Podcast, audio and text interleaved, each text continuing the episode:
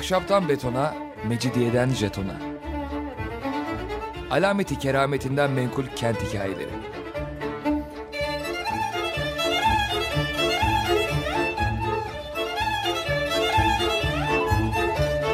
Hazırlayan ve sunan Pınar Erkan.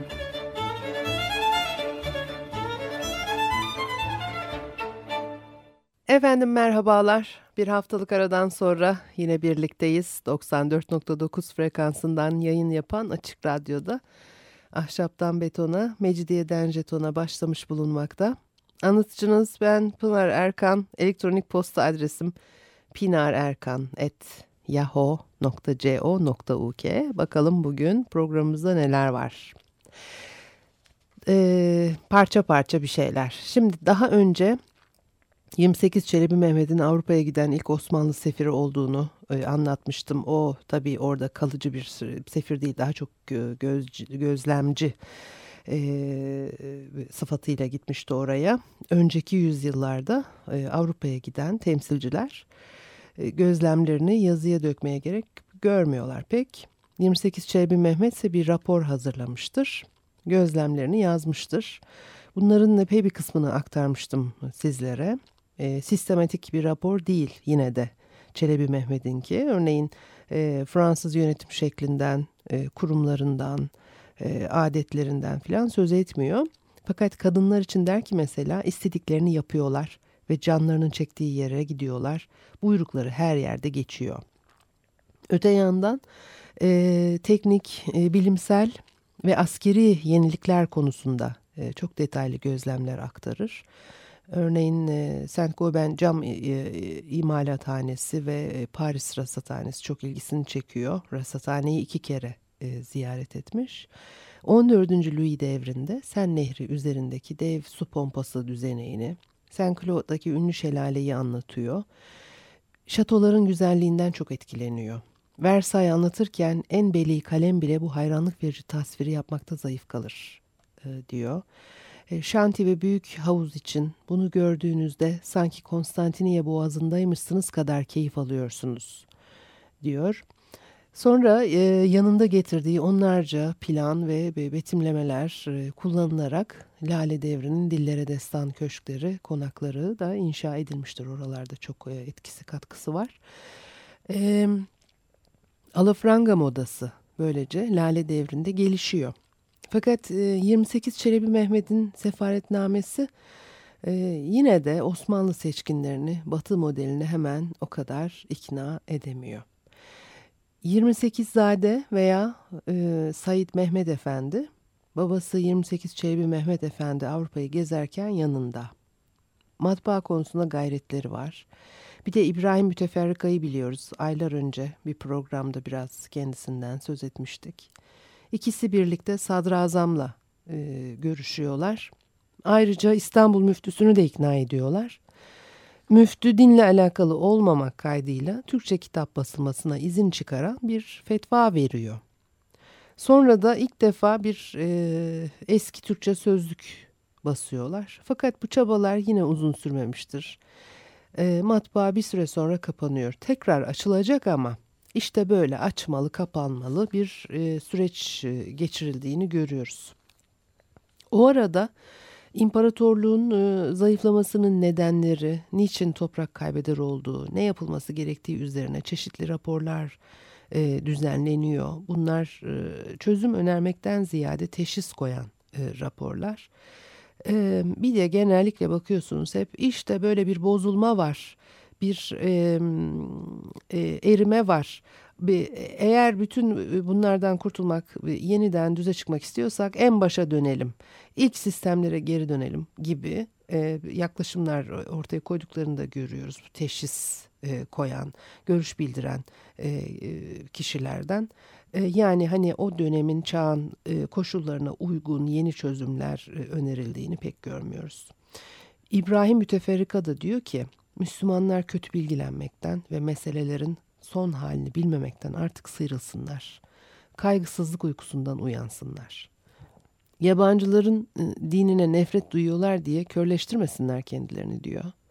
Sonra Sultan Mahmut zamanında Conte Bonneval'in e, geldiğini, görüyoruz. Bonneval e, ülkesinde bir e, kavganın ardından zor duruma düşünce 1729'da Türkiye'ye kaçıyor. Şapkayı çıkarıp sarık takmıştır. Müslümanlığa geçmiştir. Sonra da Osmanlı ordusuna giriyor. İki yıl geçtikten e, sonra sadrazam onu tophanedeki top dökümünü düzenlemek, e, topçuları batılı modellere göre yetiştirmekle görevlendirmiştir. Yeniçerilerin işte artık iyice bozulduğu zamanlar e, bu zamanlar ve Bonval humbaracılara Fransız ve Avusturya'yı örnek alan bir düzen getirmiştir. Bu dönemde batı tipi kışlalar inşa edilmeye de başlanıyor. Askerler kışlada kalacaklar ve Üsküdar'da kurulan bir e, hendese mektebinde teorik dersler görecekler. Talim yapacaklar. Bunun için kitaplar tercüme edilmiştir. Bonneval e, o zamanlar e, Pera'da ikamet ediyor. Humbaracılar Ocağı'nın komutanı vasfıyla iki tuğlu paşa olmuş. Artık Humbaracı Ahmet Paşa adıyla anılıyor. Ünlenmişti adam. Avrupa'dan gelenler onu ziyaret etmeden dönmüyorlar. Örneğin Kazanova'yı ağırlamış. Kazanova İstanbul'da kaldığı sürece her perşembe görüşüyorlar.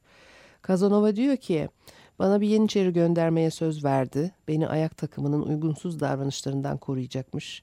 Görmeye değer ne varsa gösterecekmiş. İlk tanıştıkları akşam Bonival e, Kazanova'yı kütüphanesine davet etmiş. Yine e, Kazanova anlatıyor. Telli dolapların bulunduğu bir odaya girdik. Pirinç tellerin gerisinde perdeler vardı. Herhalde perdelerin arkasında da kitaplar bulunuyordu. Ama karşıma kitap yerine türlü çeşit şarapla dolu şişeler çıkınca Şişman Paşa ile birlikte epey güldük. Burası benim kütüphanem ve sarayım dedi. Çünkü yaşlı olduğum için kadınlar ömrümü kısaltır. Halbuki iyi şarap ömrümü uzatır veya en azından kalan ömrümü hoş geçirmemi sağlar. Kazanova e, şaraplardan oluşan e, bu koleksiyonu evinde bulundurmak için e, Şeyhülislam'dan özel izni olup olmadığını sormuş. Bonval rahat bir adam belli ki. Sofu Türkler serbest kafalılardan yakınıyorlar ama onlara zulmetmiyorlar. Burada Engizisyon yok diye yanıt veriyor. Müslümanlığa geçerken sünnet olmak için dahi çok kolay bir izin aldığını söylemiş. O yaşa gelmiş adamın sünnet işlemine tabi tutulmasının komplikasyonlara neden olacağı öne sürülerek sünnet olmama izni alınmış nasıl ihtida ettiğini de lafı hiç dolandırmadan anlattı diyor Solnon kitabında. Allah'ın Allah olduğunu ve Muhammed'in onun Resulü olduğunu söylemem gerekti. Ben de söyledim. Zaten Türkler gerçekten ne düşündüğümü hiçbir zaman umursamadılar. Üstelik sarık da takıyorum. Efendimin üniformasını da giymek zorundayım. Bonneval'in ciddi düşünceleri var ordu yenilenmesiyle ilgili. Dört başı mamur bir e, mühendisler ordusu kuracak ve onları protestan İsviçre kantonlarından e, gelecek eğitmenler aracılığıyla e, eğitecek. Yeniçerilerin çalışma şeklini değiştirecek ama son derece e, sert e, bir e, muhalefetle karşılaşıyor ve e, tabii bu projeler hayata geçmeden kalmıştır. 1750'lerde Üsküdar'daki okul kapatılıyor. O arada yapabildikleriyle 1736 ve 1739 yıllarında elde edilen askeri başarılarda Bonneval'e aldığı rol nedeniyle Rumeli Beylerbeyi ve Karaman Valisi ünvanları veriliyor. Reform o dönemde bir yarıda kesilse de ilerleyen zamanlarda devam etmiştir. Ee, bir de meselenin e, karşı tarafı söz konusu. Fransa e, Akdeniz'de bir e, müşteri kitlesi oluşturabilmek için Türkiye'deki zanaat tekniklerini öğrenmek istiyor. Hani dedik ya şimdi Osmanlı toprak kaybediyor. Bir sürü sıkıntılar var ve e, ordusunu yenilemesi gerektiğinin e, farkına varmış. Bunun için Avrupa'dan uzman kişiler davet ediyor ve onları görevlendiriyor. Yeni bir düzen e, kurulacak diye. Öte yandan tabii e, işte bir ilişkilerde de belli belirsiz de olsa bir yumuşama var ve e, Fransa'da e, sadece Fransa değil batılı diğer devletlerin de e, ilişkilerini e, nasıl geliştirebiliriz e, kendi çıkarları doğrultusunda diye baktıklarını görüyoruz. Yani burada bir e, ticaret alanı olarak da tabii ki ülke değerlendiriliyor. E, yani hep kapitülasyonlardan doğan umutların e, neticesidir bunlar. Osmanlı İmparatorluğu'nun e, ticaret ağı içinde e, Batılılar kervan ticaretinin dışındalar. Karadeniz'e giremiyorlar. İç bölgelerde de ticaret e, yerli halkın elinde. E, geriye kalıyor kıyılar. Kapitülasyonların e, giderek daha çok sayıda ülkeye olanak sağlamasıyla batılı tüccarlar İstanbul, Selanik, İzmir, Halep gibi şehirlere yerleşiyorlar. Ülkeler içinde en büyük ayrıcalıklar Fransa'ya tanınmış. Şimdi orada bir yeni gelişme söz konusu bir müzik arası verelim. Ondan sonra devam edelim. Efendim e, Açık Radyo'da Ahşaptan Betona, Mecidiyeden Jeton'a devam ediyor. Pınar Erkan'ı dinlemektesiniz. E, 18. 19. yüzyıllarda e, Avrupa ile e, farklı gelişen ilişkileri farklı açılardan bir takım örneklerle aktarmaya size çalışıyordum. Kont e, Bonneval'in e, orduyla ilgili bir takım e, girişimlerinden ve bazı işte bir e, konuklarıyla ilgili anılarından söz ettik. Şimdi başka bir durum gelişiyor dedim. Kapitülasyonlarla ülkeler içinde en büyük ayrıcalıklar Fransa'ya tanınmış. Türkler Fransa'ya pamuk, ipek ve yün ihraç ediyor ve karşılığında da esas olarak kumaş alıyorlar. Marsilya Ticaret Odası 1782'de yazmış. Doğu Akdeniz'in Fransız sanayini beslemeye yönelik bir bölge olduğu söylenebilir. Buradan sadece ham madde alıyoruz. Krallık imalathanelerinin ürünleriyle oraları sömürüyoruz. E, Fransa Türkiye'ye de ihraç edebileceği mallar üretmek istiyor. E, Türk zanaatlerini onun için e, öğrenecek. Fransız bir imalatçı diyor ki Doğuluların o kadar çok kullandıkları fesler ve takkeler niye Fransa'da üretilmesin? Fransa'daki şeritçiler daha şimdiden kuşak sarıkları Türklerden daha hızlı dokuyorlar ve külahları da daha güzel yapabilirler. Dolayısıyla Osmanlı topraklarındaki tüketicilerin beklentilerine karşılık verecek şekilde e, üretim e, yapmak peşindeler. Şimdi e, Jean-Claude Flasha diye bir e, girişimci, tüccar bunun için araştırma yapıyor. Tabii devlet tarafından da görevlendirilmiş bu araştırma için öncelikle hangi teknikle, hangi malzemeyle, nerede, nasıl e, üretim yapılabileceği hakkında bir rapor hazırlıyor. Bunun için de e, çok ciddi bir e, çalışma, e, e, araştırma süreci içerisine girmiş. Sonra da Fransa'ya dönünce kardeşiyle bir imalathane kuruyor. Saint Chamon Levanten firması adı da ve e, kapitülasyon ayrıcalığıyla pamuk eğirip kırmızıya boyama ve Levant için çiçekli ipekli kumaşlar üretme izni almış e, önceden. Gayet kaliteli kumaşlar e, dokuyorlar. Saraydaki kızlar ağasıyla kurdukları iyi ilişkilerin yardımıyla sarayın resmi tedarikçisi ünvanını alıyorlar. Tabii bu çok prestijli bir pozisyon. Saraya giriş hakkı yeter bir kere ve onun yanı sıra tabii başka pek çok avantajı var. Sarayın resmi tedarikçisi olmak ne demek? E, Flaşa sadece teknoloji transfer etmiyor Osmanlı topraklarından Fransa'ya. İşçi de götürüyor. Kraliyet konseyi kararı çıkartıyorlar. İmalathanesinde çalıştırılmak üzere altı usta seçiyor. Edirneli iki kumaş boyacısı, İzmir'den ithal edilen e, kök boyasını kullanarak Fransa'da meşhur Edirne kırmızısını üretecek. Yine İzmirli bir hallaç var. İranlı bir iplik eğirmecisi. Ayrıca kahve cezvesi üretmeleri için bulabildikleri en usta iki kalaycıyı da götürüyorlar. Daha sonra bunlara Kıbrıs vitriyoli yapımcısı iki Ermeni etki, e, ekleniyor. Kıbrıs vitriyol dediğimiz Kıbrıs mavisi diye bilinen bakır sülfat. Bu ustalar Fransa'da 3 yıl kaldıktan sonra e, Fransız vatandaşlığına hak kazanacaklar. Devlet tarafından ödenecek emekli aylığı ve ikramiye de e, vaatler arasında. İmalathane sadece bir iş yeri olarak kalmıyor. Flaşa burayı bir çırak okuluna dönüştürüyor. E, çünkü Flaşa'nın Türklerinden e, bilgi ve becerilerini Fransızlara öğretmeleri bekleniyor. Hallaç bir çırak yetiştirmiş. İplik eğirmeci 50 kadına nasıl iplik eğrileceğini öğretmiş. Kalaycı dört gence mesleğinin sırlarını vermiş. Onlar da öğrendiklerini Fransa'nın başka bölgelerinde başkalarına öğretmişler. Böylece Fransa'nın güneyinde benzeri kumaş boyama atölyelerinin sayısı artıyor.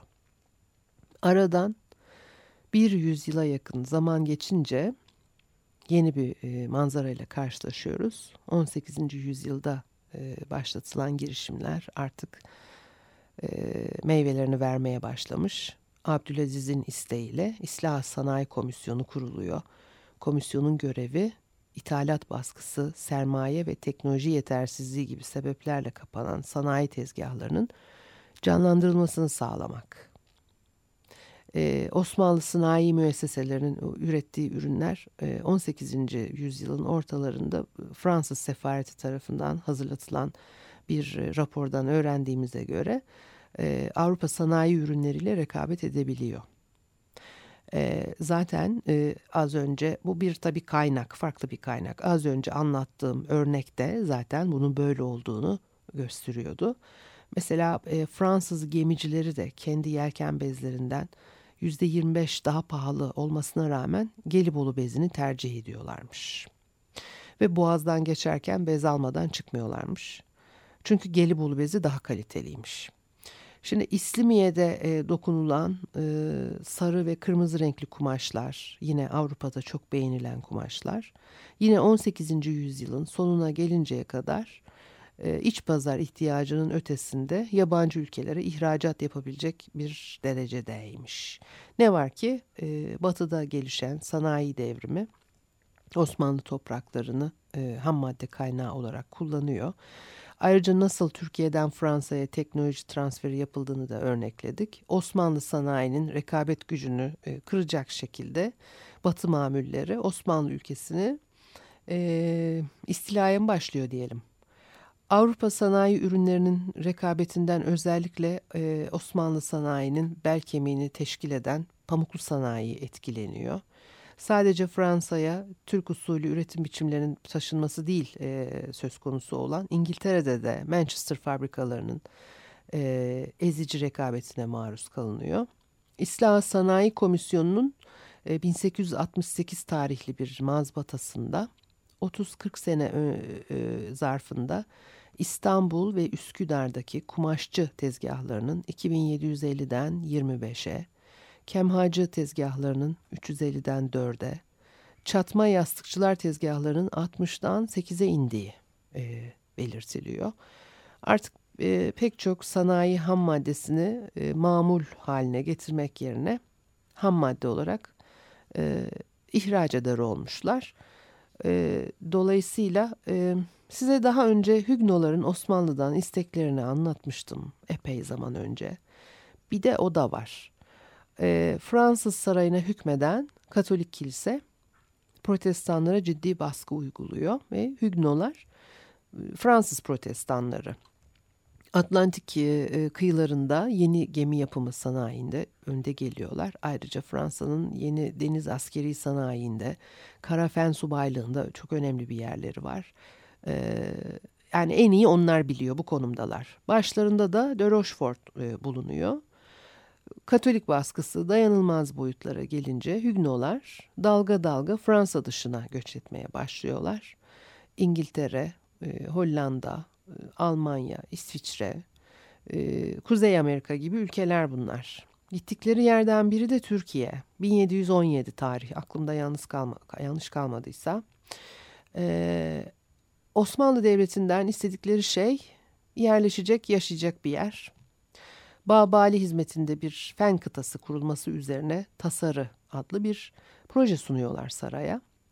De Rochefort e, işte bir teklifte bulunuyor. Diyor ki Osmanlı Devleti'nin çektiği sıkıntının temel nedeni Avrupa ile ticaretin yarattığı dengesizlik. Avrupalılar Osmanlı'dan aldıkları ham maddeleri kendi ülkelerine götürüp işliyorlar. Mamul hale getirip Osmanlı'ya gerisin geri daha pahalıya satıyorlar. Osmanlı topraklarının doğal zenginlikleri Avrupa'ya akıyor. Türkiye'deki değerli metal kıtlığının, sikke enflasyonunun ve mali bunalımın başlıca nedeni bu.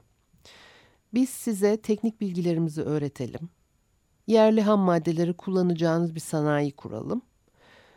Ülkenizin ekonomik kalkınmasını sağlarız. Zaten biz protestanlar Katoliklerden çok Müslümanlara benzeriz. Siz de karşılığında bize uygun gördüğünüz yerde yaşama izni verin. Teklif kısaca bu.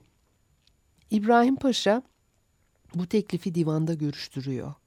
Fakat Hügnoların bu isteği reddedilmiştir. E, taassup mu değil mi nedir e, reddedilmenin sebepleri e, çeşitli şekillerde açıklana gelmiştir. Cevdet Paşa da bu konuda düşüncelerini söylüyor. Ama kaynaklardan e, öğreniyoruz ki e, projeyi o zamanki Fransız elçisi e, Marquis de Bonac e, engelliyor. 1716-1724 yılları arasında İstanbul'da elçilik göreviyle bulunmuştur. Fransız ticaret çıkarlarını e, gözeterek mani oluyor kararın, e, kararın çıkmasına. Ajan Chenier'in e, aktardığına göre de Rochefort'un fikirlerini ortalık yerde herkese anlatması nedeniyle haber Fransız elçisinin kulağına gidiyor. O da içerideki adamlarını kullanarak rüşvet yoluyla de Rochefort'a evet denmesini engelliyor. De Bonac'ın e, raporlarında yazdığına göre İstanbul'a geldiğinde henüz hayatta olan Ali Paşa iki şeyi yok etmeyi aklına koymuştu. Kapitülasyonlar ve Katolik misyonerlerin faaliyetleri. Fransa'nın o dönemdeki yakın doğu politikası ise tam tersine bunların korunup geliştirilmesi, yayılması üzerine kurulu. Elçi krala yazdığı mektupta diyor ki bu adam 2-3 yıl daha görevde kalsaydı belki de kapitülasyonları kaybedecektik. Devamı için boyuna uğraşmak gerekir. Ali Paşa bunu anlamıştır. Benim amacım kapitülasyonların yenilenmesi ve pekiştirilmesidir. Fransız ticaret kolonilerinin bulunduğu her yerde tebaanız daha çok teşvik edilirse ticaret artar, işler sağlamlaşır. Ayrıca bir diğer görevinin e, Katolikliğin yayılması olduğunu da söylüyor. Rumlar ve Ermeniler arasında Katolikliği yaymak gerekir. Fransız ticaret için en elverişli kişiler onlar arasındadır diyor. Ve Fransız elçisinin e, kapitülasyonları sürdürme çabaları 22 yıl sonra 1740 e, kapitülasyonlarıyla e, sonucuna ulaşmıştır. Evet bu haftalık da bu kadar olsun. Haftaya görüşmek üzere. Hoşçakalın diyorum.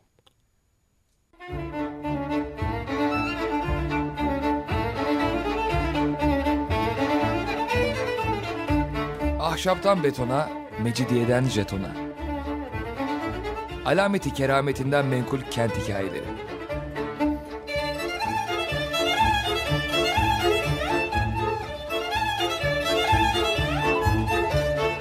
Hazırlayan ve sunan Pınar Erkan.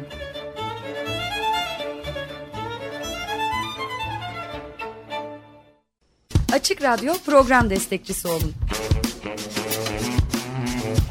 Bir veya daha fazla programa destek olmak için 212 alan koduyla 343 41 41.